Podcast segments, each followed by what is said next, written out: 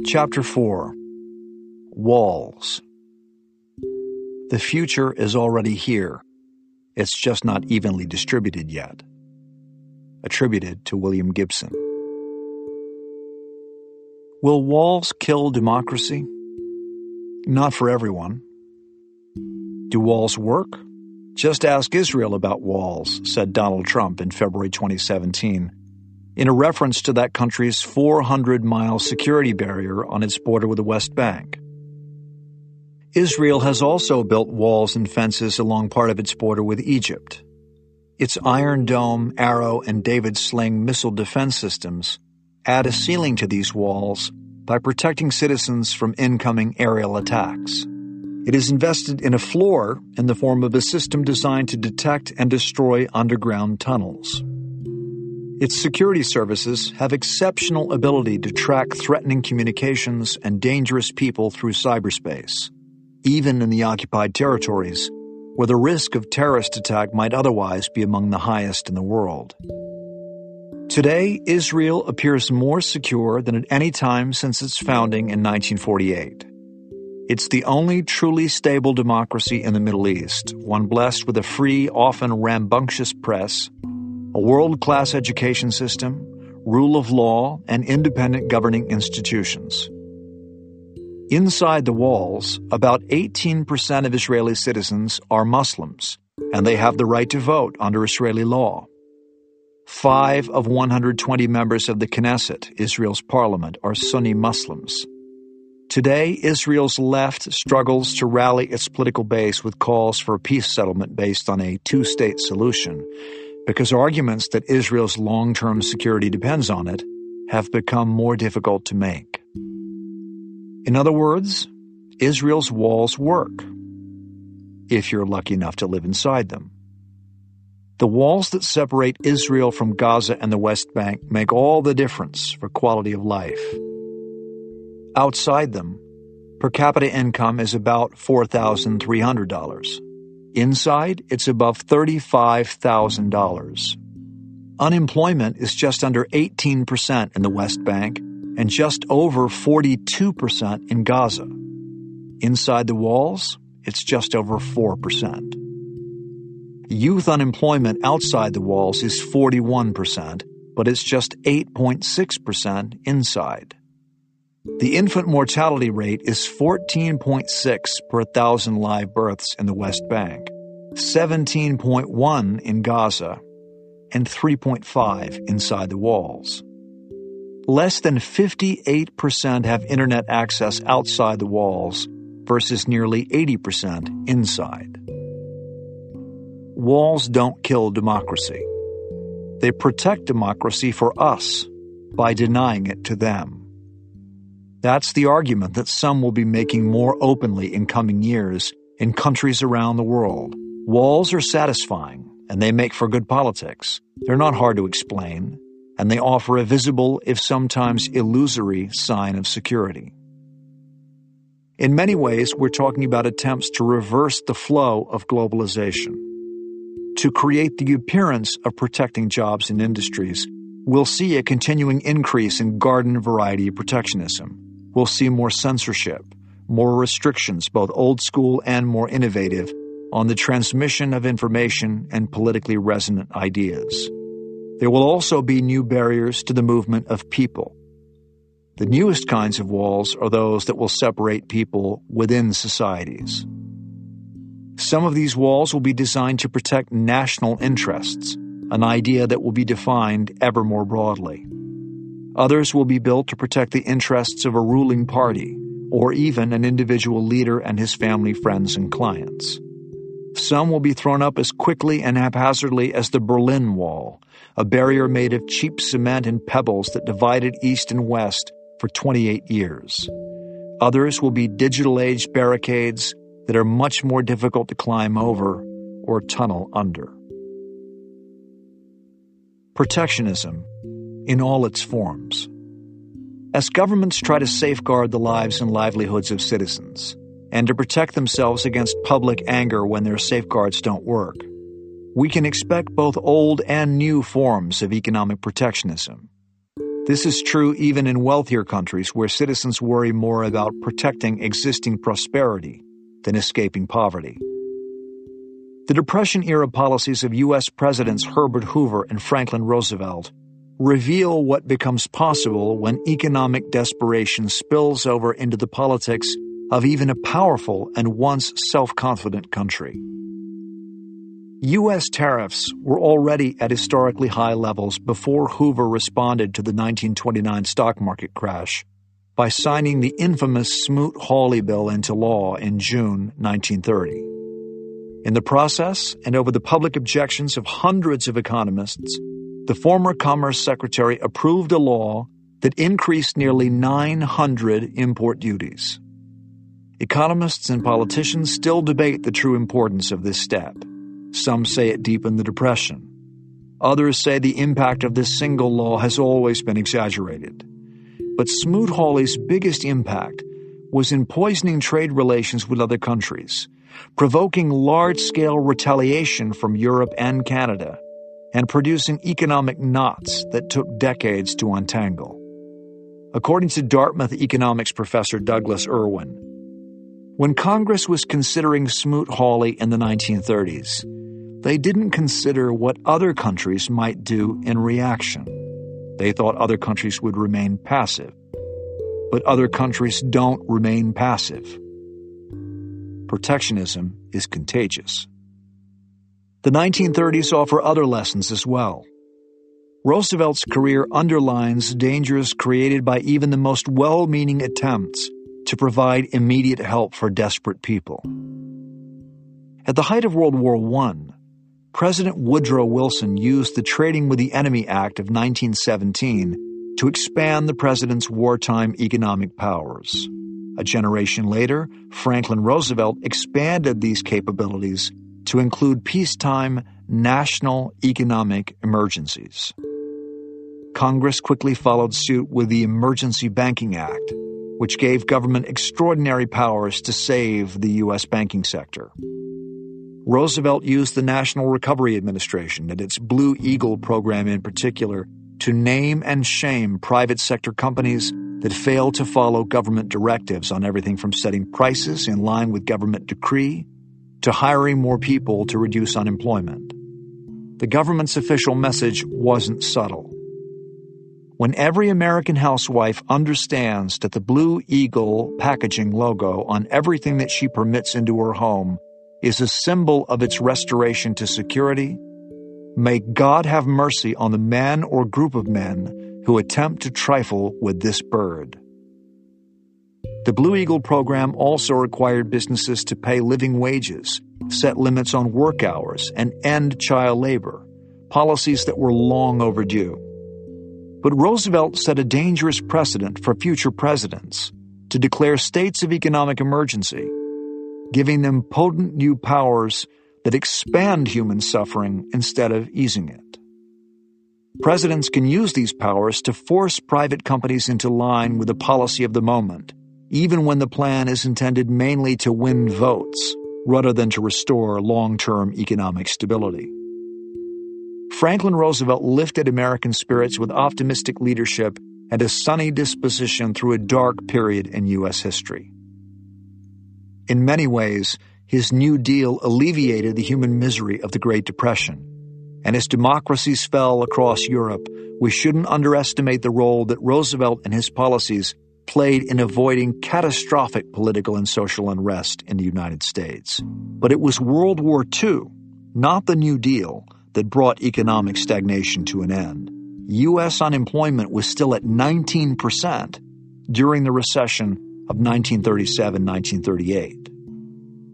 More important, his overreach set dangerous peacetime precedents that future U.S. leaders might well use to score political wins in tough times. This is a lesson from the United States, traditional champion of free enterprise, free trade, and political checks and balances, and a country where the story of Smoot-Hawley remains a cautionary tale.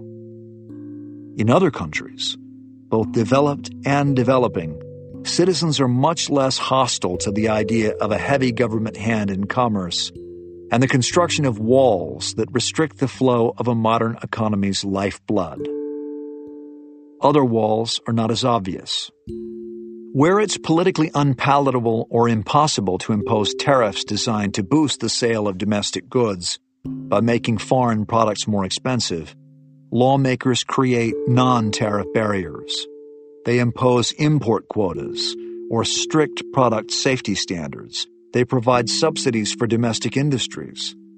To protect their affluence and advantages, wealthier countries treat science and technology as strategic economic sectors, restricting the export of new intellectual property. That leaves less innovative countries with fewer paths to boost growth. It's not just that poorer countries will get smaller pieces of the global economic pie. As protectionism lowers longer term growth in rich countries, there is a risk the pie itself will get smaller, creating a vicious cycle as slowdowns increase demand for tough talking populists in both rich and poor countries. Leaders who will rise to power with promises of higher and thicker walls. Many U.S. politicians have boosted their popularity with promises to oppose this or that trade deal. But no president since the 1930s has done more than Donald Trump to undermine the U.S. position on trade. His decision to withdraw the United States from leadership of the Trans Pacific Partnership and promises to renegotiate the North American Free Trade Agreement and other existing deals have added momentum for anti trade politics in both parties. Trade barriers in developed markets hurt living standards in middle income countries like Mexico, Brazil, and South Africa that are heavily dependent on exports for revenue, at least as they try to shift strategies. The poorest countries will have a harder time borrowing in international markets. They'll face falling incomes, falling living standards, rising public anger, and political upheaval. There are, of course, many examples of protectionism in developing countries themselves. As in wealthier countries, trade protectionism includes many non tariff restrictions. The fastest growing economies of Southeast Asia, for example, have cut tariffs in half since 2000, but they're now more likely to use export bans, price controls, quality and health standards, and other strategies to protect local businesses and jobs. According to the UN Conference on Trade and Development, the number of non tariff barriers in place among the 10 members of ASEAN jumped from 1,634 in 2000 to nearly 6,000 in 2015. In short, both rich and would be rich countries have signed trade agreements while still finding creative ways to protect local interests. Information In the 21st century, questions of trade and protectionism aren't limited to goods and services. Data has become an increasingly valuable and strategically important asset. The EU's General Data Protection Regulation, in effect from May 2018, requires that all companies that process personal data in the European Union follow strict rules on data privacy. Developing countries have gone further with restrictions on government procurement of both software and hardware from foreign companies. Data localization laws in these countries mandate that personal data generated in the country must be stored in the country. In this case, as elsewhere, risk averse China is leading the way. And countries like India, Brazil, Indonesia, Nigeria, and Russia are following each for its own reasons. In some cases, these laws are intended to bolster national security, prevent espionage, and protect consumers from online criminals. But these rules and laws also restrict the free flow of information across borders and undermine the efficiency of global supply chains, just like more traditional forms of protectionism. Governments will also build more walls to try to control the flow of more traditional forms of information across and within borders. In Egypt, China, and Turkey, the use of walls is literal because these three countries imprison more journalists than any other. According to the Committee to Protect Journalists, Egypt jailed 25 journalists in 2016, China imprisoned 38, and Turkey incarcerated 81. Around the world, there were 259 journalists in jail at the end of 2016, the highest number since 1990. As the supply of bad news rises in line with the inability of governments to cope with looming economic, technological, and cultural changes, we can expect a lot more reporters to end up behind bars. To avoid this fate, many reporters will self censor. Instead of imprisoning individual journalists, it's often much more efficient to simply shut down the growing number of media outlets that report the news in ways that state officials don't like. To choose one of dozens of possible examples, in May 2017, the Egyptian government abruptly announced it had shut down 21 news websites that had been critical of the government. These websites were accused, predictably, of spreading lies and supporting terrorism. Among these websites was Al Jazeera, a state dominated news network based in Qatar that had frightened and angered governments across North Africa and the Middle East in 2011. First, with coverage of the story of Tunisian vegetable vendor Mohamed Bouazizi, and then of the advance across the region of the Arab Spring. Less than two weeks after Egypt banned these 21 sites, Saudi Arabia, the United Arab Emirates, Egypt, and Bahrain took the unprecedented step of severing all ties with Qatar, which they accused of supporting terrorist groups. Quarantine the reporter, quarantine the media outlet he works for, and, if possible, quarantine the government that backs them. But journalists and websites are far from the only sources of information that the state might consider dangerous. Non governmental organizations that champion political, economic, and social reform have been shuttered in Russia, China, and even India. Among right wing activists in the United States, George Soros, founder of the Open Society Foundations, a champion of freedom of expression, rule of law, and liberal democracy, has become a hated figure. The government of his native Hungary, led by the distinctly illiberal Viktor Orban, has tried more than once to close Central European University, a school Soros founded. These sorts of walls will only become more common in a world where paranoid state officials fail to meet the most basic needs of citizens. As with more traditional forms of protectionism, these are often hastily improvised efforts to restore political stability at the expense of investment in long term growth, economic, political, and intellectual. Why attack individual sources of information when you can wall off the entire Internet? Of course, the fastest shifting arena in the battle between the state and the flow of information is now in cyberspace. And the crudest tool that government can use to manage content is simply to shut down the Internet. During the Arab Spring, Hosni Mubarak's government became the first to disconnect the internet across an entire country, a move made easier by the fact that Egypt, though it's home to more than 90 million people, has just a handful of internet service providers. To avoid major unrest and limit protests during politically sensitive events, India has shut down the internet so often that it has itself become the focal point of a protest movement. In response to riots in English speaking regions of the West African nation of Cameroon, the government blacked out the internet for three months, but only in regions that are home to most of the country's Anglophone minority. In response, Afrinic, the non-profit that manages IP addresses for Africa, threatened to impose sanctions on governments that take these kinds of actions. But at a time when both developed and developing states, democracies and dictatorships face threats from terrorists and cyber criminals. Sanctions against governments intensify debates over internet sovereignty, the right of lawmakers to regulate and police the internet as they see fit. Are China and its imitators using censorship to protect their own political and economic power? Or are they simply taking steps that even the most open of democracies will have to follow in order to protect their citizens from terrorists, anarchists, and thieves? That's not an easy question. In the age of walls, the answer is both. In Turkey, President Erdogan's government has become much more sophisticated in recent years in how it manages the internet.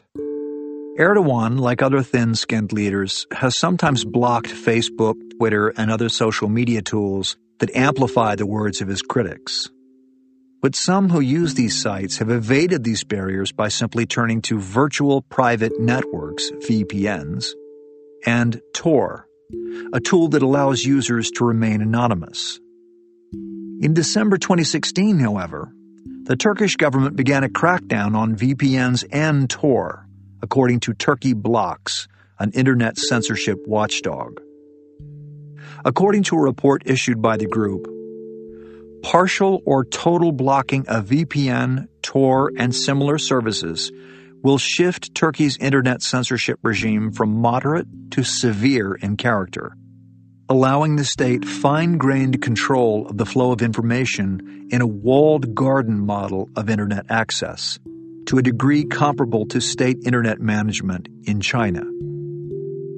Iran, another government intent on walling off information, announced plans several years ago to create a halal internet, another form of information quarantine.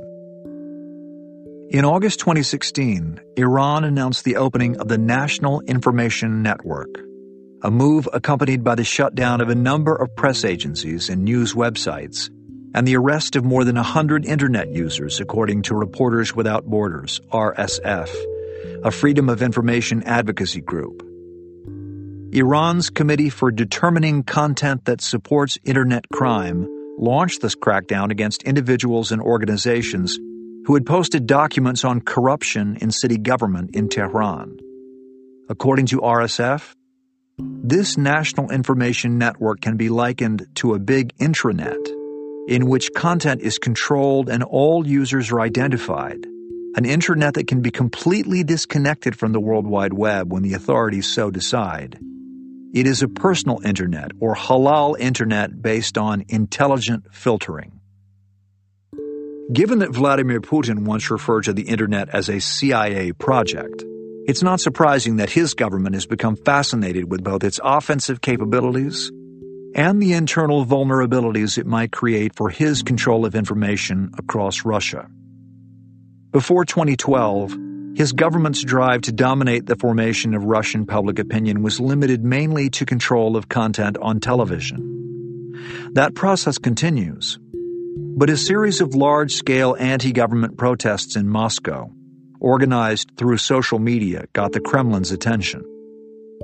Beginning in 2012, the Russian government began granting itself the power to block online content as it saw fit. Since nationwide protests in 2017, described in the last chapter, the Russian government has broadened and quickened plans to police the Internet. Its strategy covers three areas content controls, registration requirements, and control over infrastructure. It maintains a registry of banned web pages, forces media outlets to formally register with authorities, and has created broad data localization requirements that force companies to store data within Russia's borders. In November 2017, the government ordered foreign media to register as foreign agents. It is also creating a backup internal internet that can be switched on and off by the government. Russian officials have threatened to fine or ban Western social media platforms and internet sites that don't follow Russian law. And, as in China, the government works to promote domestic competitors to Western firms, companies that will be much easier for the Kremlin to control. Russia, like all other countries not named China, faces an uphill battle to establish the degree of content dominance that an autocrat might want. Russia, like most developing countries, needs help in developing the IT infrastructure needed to remain economically competitive in a digital world. And, as in other countries, many Russian lawmakers don't understand the technologies they're trying to regulate. For now, Russia needs the expertise in IT services it can only get from foreign firms. Yet Russia's government is finding new ways to manage politically sensitive content. Many Russians never read about the massive anti corruption protests in March 2017, at least not while the demonstrations were happening. Yandex News, the country's largest news aggregator, uses an algorithm that prioritizes stories by the reliability of the media outlets that publish them. A Russian law enacted in January 2017 makes aggregators with more than a million daily users liable for all content that appears on their sites. Aggregators can bypass this requirement by promoting only source material that comes from media officially registered with Russia's media watchdog, Roskomnadzor. Thus, if news doesn't make the Russian government's cut, it's much harder for Russian internet users to find it anywhere online. Russia, like China, isn't just becoming less democratic. It's getting better at building walls. China's leaders have proven by far the most innovative in the world in developing new ways of centralizing control of information, to the extent possible at a time when vast flows of ideas, information, and data cross borders internal and external at digital age speed. As in all the countries discussed in this book, the Chinese leadership has multiple motives. It wants to provide security and prosperity for the Chinese people and to adapt to changing times by finding new ways to provide services to the public. It wants to protect China's national security and advance China's economic and political interests. But it also wants to ensure that the Chinese Communist Party maintains its monopoly hold on power by containing any potential internal challenger, particularly one that might become well organized. In an era of unprecedented complexity in communications technology, China's leaders, like political officials everywhere, know they can't police every individual who criticizes, insults, or challenges the government. The ability of individual citizens everywhere to use new tools to broadcast their views, sometimes anonymously, guarantees some limited freedom of speech even in China. But freedom of assembly is another matter. The Chinese government can't silence every angry voice, but it has many available methods and means to make sure those voices don't become a chorus. In its drive for cyber sovereignty, China's leaders use many tools. First, there are simpler ones, some of them old fashioned. Regulations allow for tight government control of online news collection and distribution. Senior editors at approved media outlets receive state training and testing before they're allowed to work, and they face plenty of state scrutiny on the job. These rules apply not only to traditional media, but also to social media platforms like WeChat that provide news like services. Regulators periodically warn online information services like Sina, NetEase, Phoenix, and Tencent not to publish illegal news content. Google and Facebook are blocked. There is a national security review for IT products and services used in critical information infrastructure, which is not surprisingly broadly defined. It is the patriotic responsibility of media and all who work in it to promote positive propaganda all must strengthen and improve supervision over public opinion. From the official Xinhua news agency came this directive in May 2017.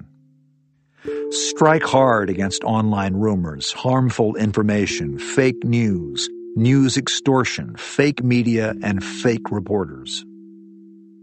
In a future time of crisis, the state will define harmful information and what is fake in ways that promote the interests of the party first.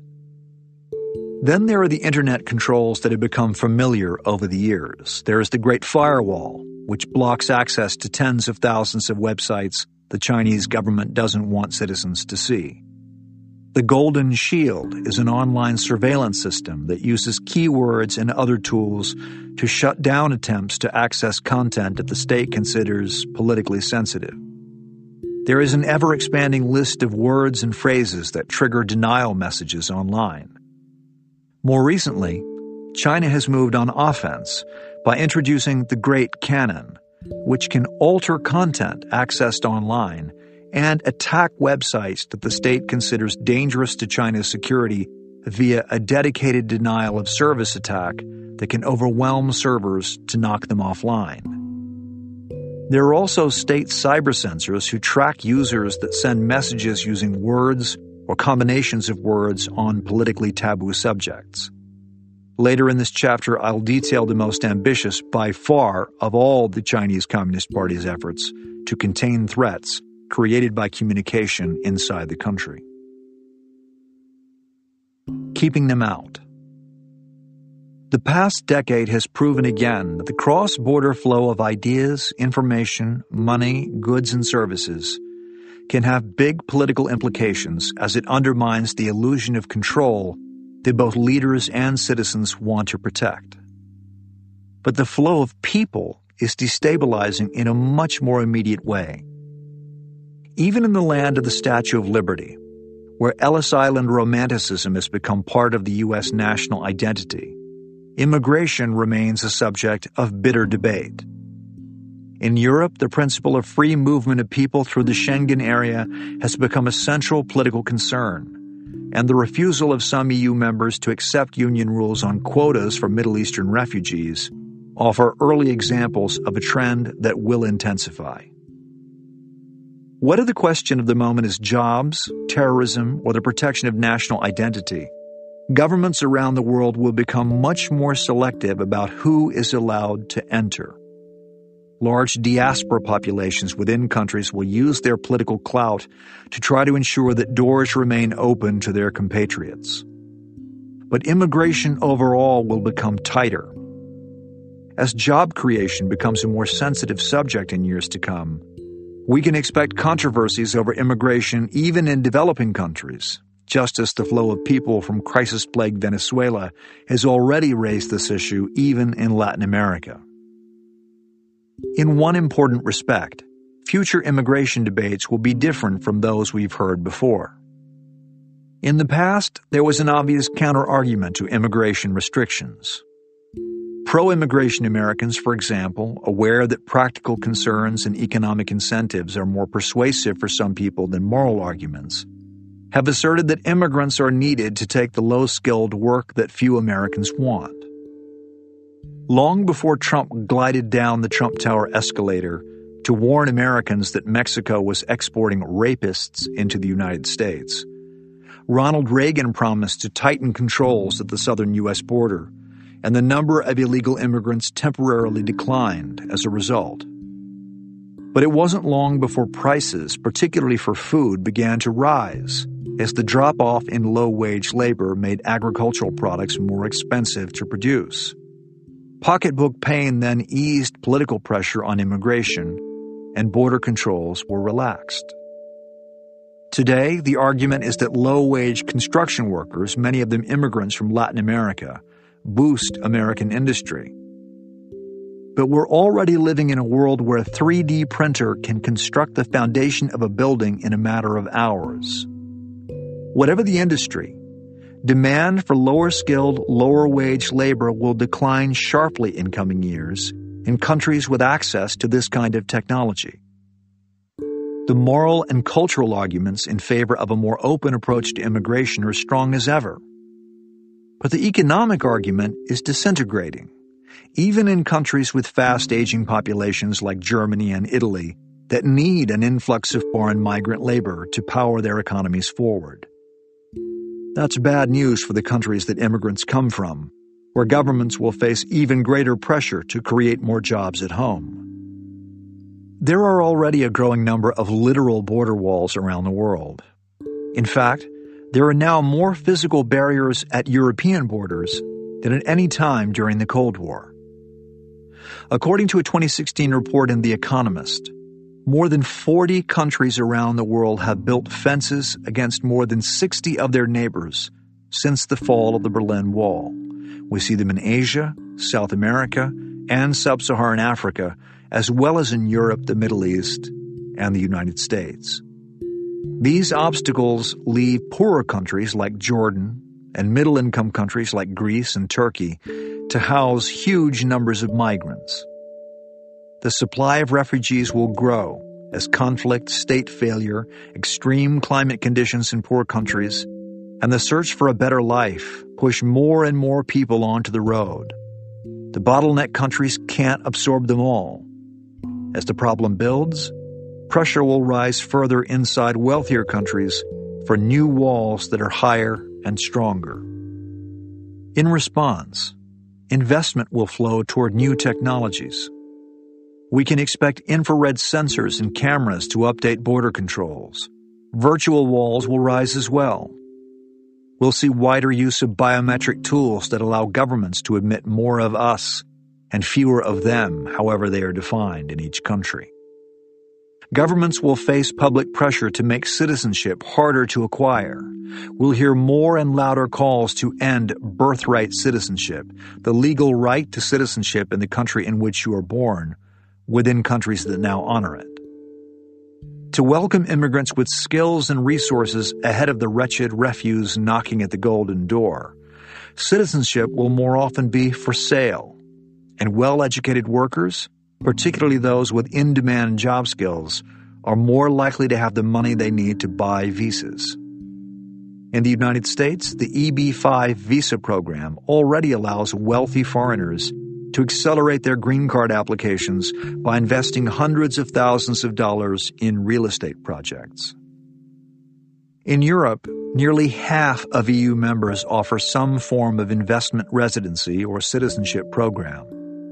Today, these programs involve relatively small numbers of people. But as demand for restricted access rises within wealthier countries, these projects will expand. Forced to become more creative, states will make wider use of guest worker programs that place new restrictions on the work that foreigners are allowed to do, their ability to change jobs, and their wages as in apartheid South Africa, which required black and mixed race citizens to live in townships that segregated them from the rest of the population, future guest worker programs will place similar restrictions on where foreign workers can live. Sorting us from them within. We'll also see new methods of sorting citizens within states.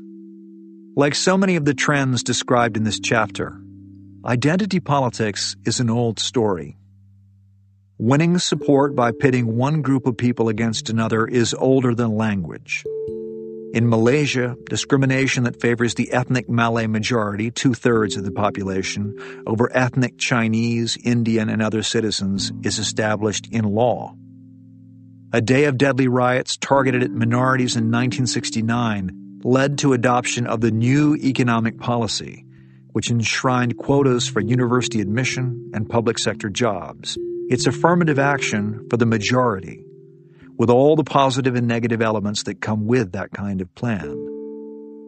What was supposed to be temporary has become permanent, as officials in the United Malays National Organization, dominant players in the country's governing coalition, have discovered that discrimination in favor of the ethnic majority continues to win them elections. There are many other examples of this kind of politics around the world, and we'll see many more governments offering subtle and not so subtle changes to laws to concentrate power in the hands of those who will protect the government against them. There will also be new government efforts to establish greater control over the movement of people. In some countries, governments will try to establish new controls or tighten existing ones on the movement of people within borders. For years, Chinese citizens have lived with the hukou system, a registration list and internal passport that determines the opportunities and social provisions that a person can receive based on where he or she lives. Before 2014, a migrant from the countryside might pay taxes in the city to which he had moved for work, but could only receive public services and benefits in the province listed as his home. The same restrictions applied to his children, even if they were born in the city. The hukou was relaxed beginning in the 1980s to boost economic growth by allowing more movement of cheap labor toward urban factories, filling cities with huge numbers of second class citizens. As a result, overcrowded cities have become increasingly difficult to govern, and the system has again been tightened to avoid urban chaos and the political problems it might create. Today, Russia is the only other country that still uses a form of internal passport, something mainly associated with defunct systems like the Ottoman Empire, Soviet Union, or apartheid South Africa. But in a world of us versus them, technological changes that give political officials access to unprecedented streams of data on citizens and their behavior will offer governments a tool that some will use to try to control the movement of people, particularly in volatile areas of the country.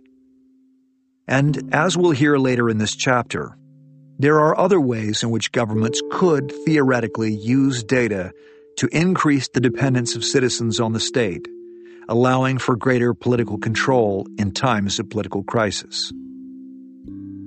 In the United States, divisions are growing more organically. Voting data from the 2016 U.S. presidential and congressional elections show increasingly sharp differences of political opinion depending on age, ethnicity, income, level of education, and whether the voter lives in a city or a rural area. These identities are interrelated, of course, and technological change will exacerbate these divisions in coming years by benefiting younger, better educated people who live closer to centers of the modern job market and enjoy rising incomes as a result. Over the years, there has also been a natural self sorting process that separates one group from another. Race is an obvious place to start. A 2013 study published in the journal Education and Urban Society found that Students are more racially segregated in U.S. schools today than they were in the late 1960s and prior to the enforcement of court ordered desegregation in school districts across the country. A 2013 study from Reuters Ipsos found that about 40% of white Americans and about 25% of non white Americans are surrounded exclusively by friends of their own race. The updated 2016 edition of Paul Taylor's The Next America Boomers, Millennials, and the Looming Generational Showdown, based on a collaboration with the Pew Research Center, provides a wealth of new data and offers a sobering look at the ongoing self sorting of the United States. First, Taylor reports that racial, social, cultural, economic, religious, gender, generational, and technological changes are pushing Americans into think alike communities that reflect not only their politics, but their demographics. Second, he notes that the United States will soon become a majority non white nation, and that the percentage of older Americans is headed for record levels. Together, he writes, these overhauls have led to stark demographic, ideological, and cultural differences between the two major political parties' bases. Third, political divisions in America are widening. Taylor notes that 92% of Republicans are to the right of the median Democrat in their core social, economic, and political views, while 94% of Democrats are to the left of the median Republican. In 1994, those numbers stood at just 64% and 70%, respectively. The same study in 2014 also found a doubling in the past two decades in the share of Americans with a highly negative view of the opposing party. Reinforcing the effect?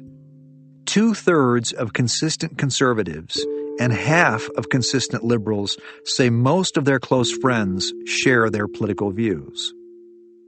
This self sorting encourages both major political parties to send messages and adopt policies tailored to favored demographic groups to maximize their side's election day turnout while discouraging it on the other side, rather than to moderate core positions to draw support from centrist voters. In short, Republicans don't talk to Democratic voters, and Democrats don't talk to Republicans. The practice of gerrymandering, which allows state legislatures to draw the boundaries that separate congressional districts, has added to the us versus them dynamic. As of February 2018, voters have given the Republican Party control of two thirds of state legislatures and half of the nation's governorships, That allowed Republicans to win 55% of House seats in the 2016 congressional elections, while winning just half of all votes cast. There are also efforts to use race to drive a political wedge between us and them. We saw this in President Trump's defense of white supremacists following violence during a protest over removal of Civil War statues in Charlottesville, Virginia. We saw it again with Trump's decision to pardon Arizona Sheriff Joe Arpaio, who had been convicted of criminal contempt of court after refusing to comply with an order to end the harassment of people he believed, without evidence, to be illegal immigrants. We saw it again when Trump attacked the patriotism of professional football players who protested racism by refusing to stand for the national anthem before games. In each case, Trump made a deliberate decision to arouse the anger of one group of Americans at another for personal political benefit, and he used race as his weapon. Who chooses? Then there's the question of who is allowed to vote. Remember that universal suffrage is a recent historical development even in Europe and America. The United States was founded as a democracy, but the Constitution allowed states to decide for themselves who deserved to vote. In the beginning, most states limited the franchise to white men who owned land and or paid taxes. For everyone else, the nation functioned as an oligopoly. The Industrial Revolution began to change this as labor gained a voice in politics and workers gained a voice in the labor movement.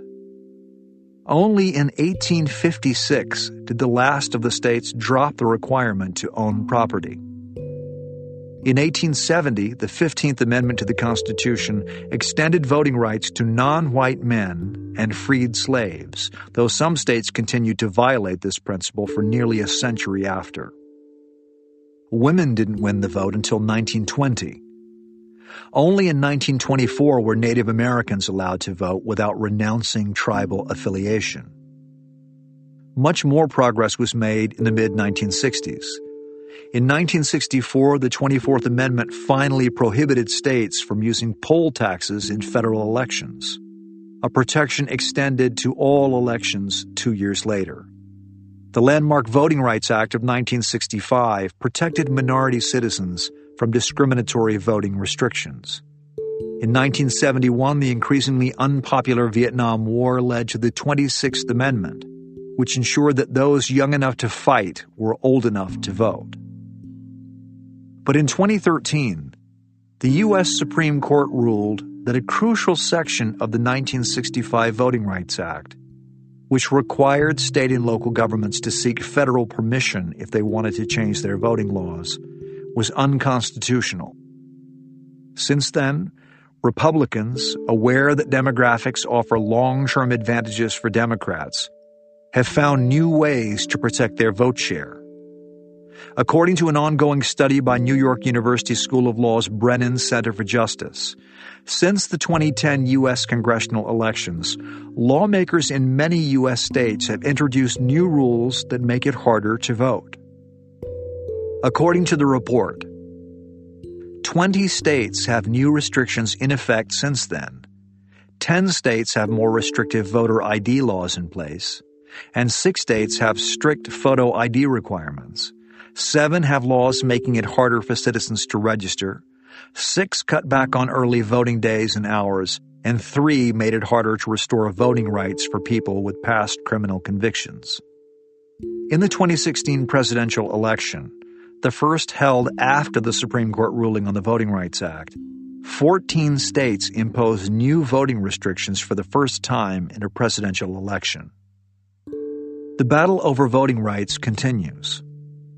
In the first four months of 2017, bills to expand access to registration and voting were introduced in 45 states, and bills to restrict these rights were introduced in 31 states.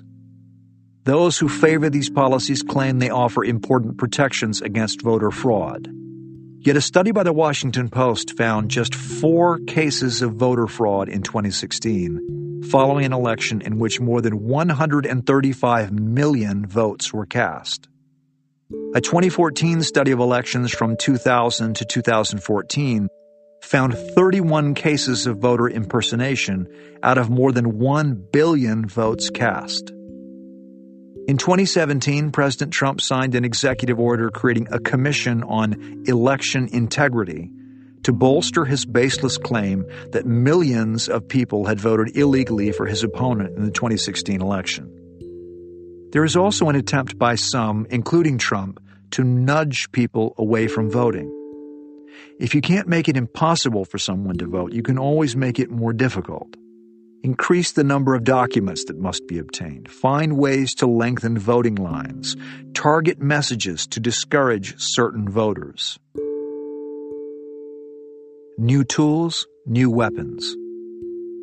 In 2009, the Indian government, then led by the Indian National Congress Party, enabled the creation of Aadhaar, a biometric identification system. In 2010, the program began recording iris scans and fingerprints as a way of establishing each person's unique identity. Each user is given a unique 12 digit ID number, and well over 1 billion people are now listed in the Aadhaar database.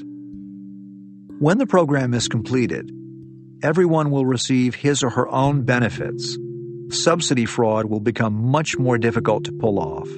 The government can collect more taxes and waste much less money. And all can have confidence in their access to essential services. Payments already flow automatically into and out of citizens' bank accounts, even in India's most isolated rural areas. In the beginning, the program was voluntary, and its creators promised it would remain so.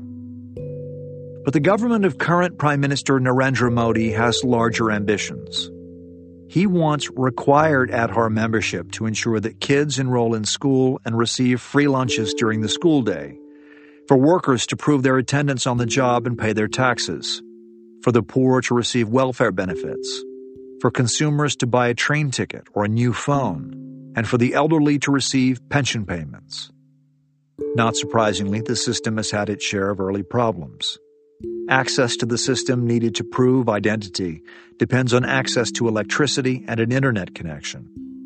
Both, as I said in the last chapter, remain works in progress in developing India. There's also the risk that centralizing so much personal information in a single database will leave India, its citizens, and its political stability vulnerable to various forms of cyber attack. But there's another question.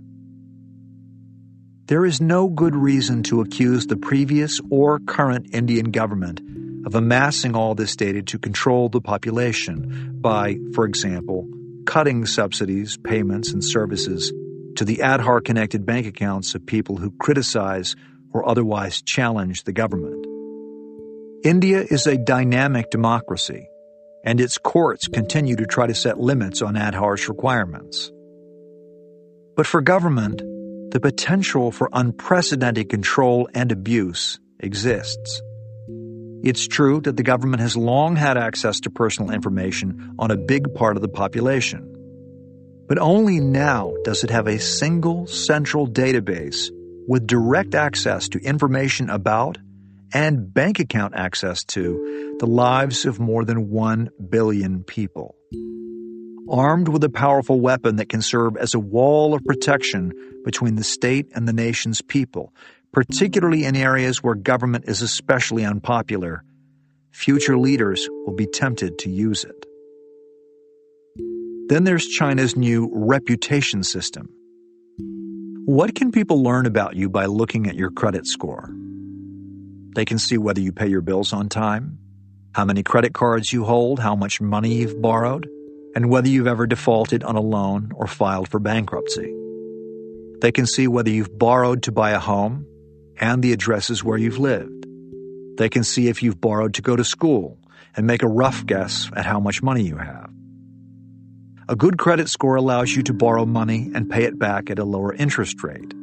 A bad score can force you to pay much higher interest or block you from borrowing altogether. In China, the state is now experimenting with something new a social credit system.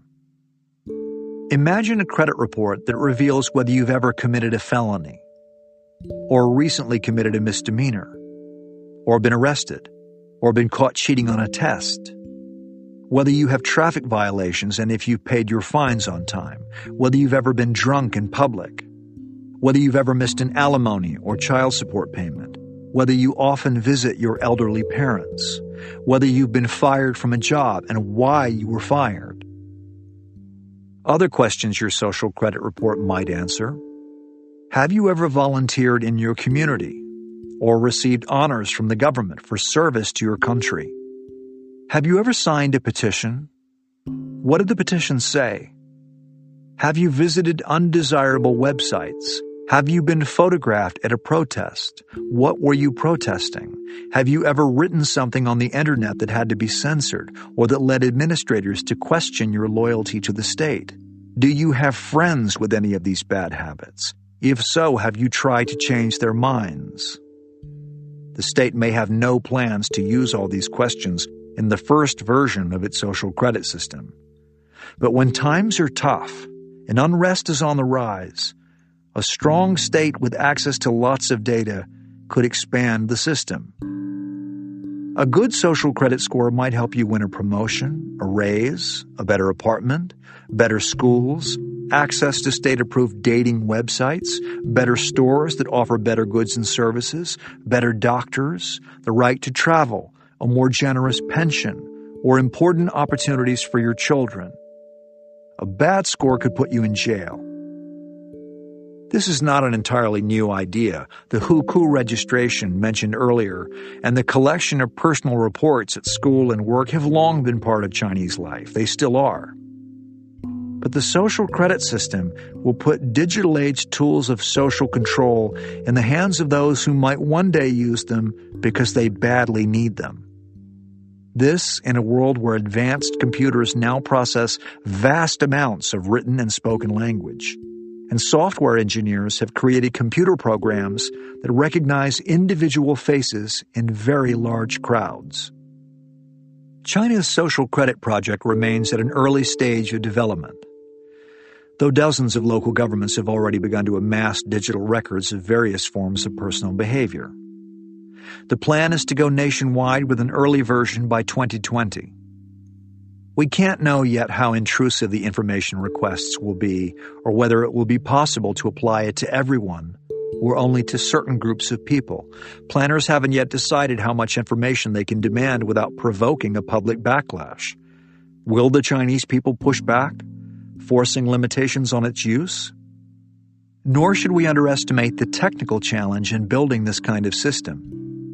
When it comes to opinions expressed online, those who run the system will have to match individual messages with the owners of the devices that generated them.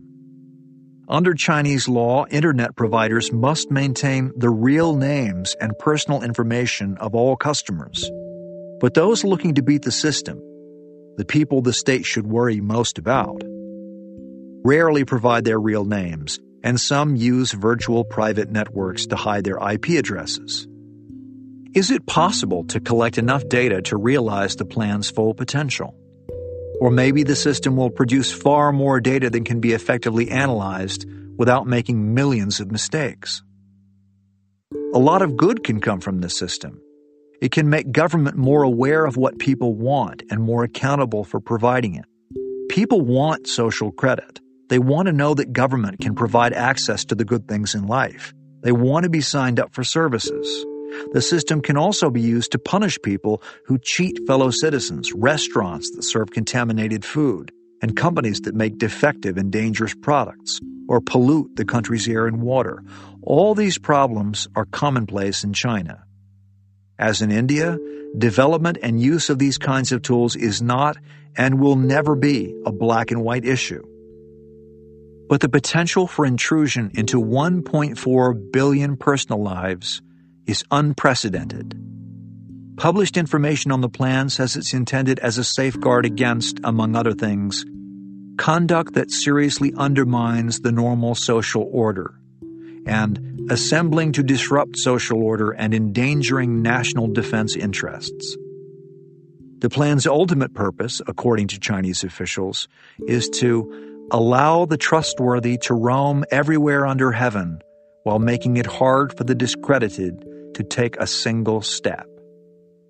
That sounds Orwellian enough, but it also says a lot about how the system might one day work, particularly in a world where even the most basic tasks become harder to accomplish without an internet connection over which government can exert more control. The social credit system is a tool the state can use to decide whether it can trust you. If it trusts you, your horizons are limitless. If the state cannot trust you, you're not going anywhere. China is a one party state. Its leaders can decide for themselves how this system will and will not be used without worry that a court will rule their new powers unconstitutional. They are accountable only to one another for as long as they're able to contain dissent. There's never before been a wall like this.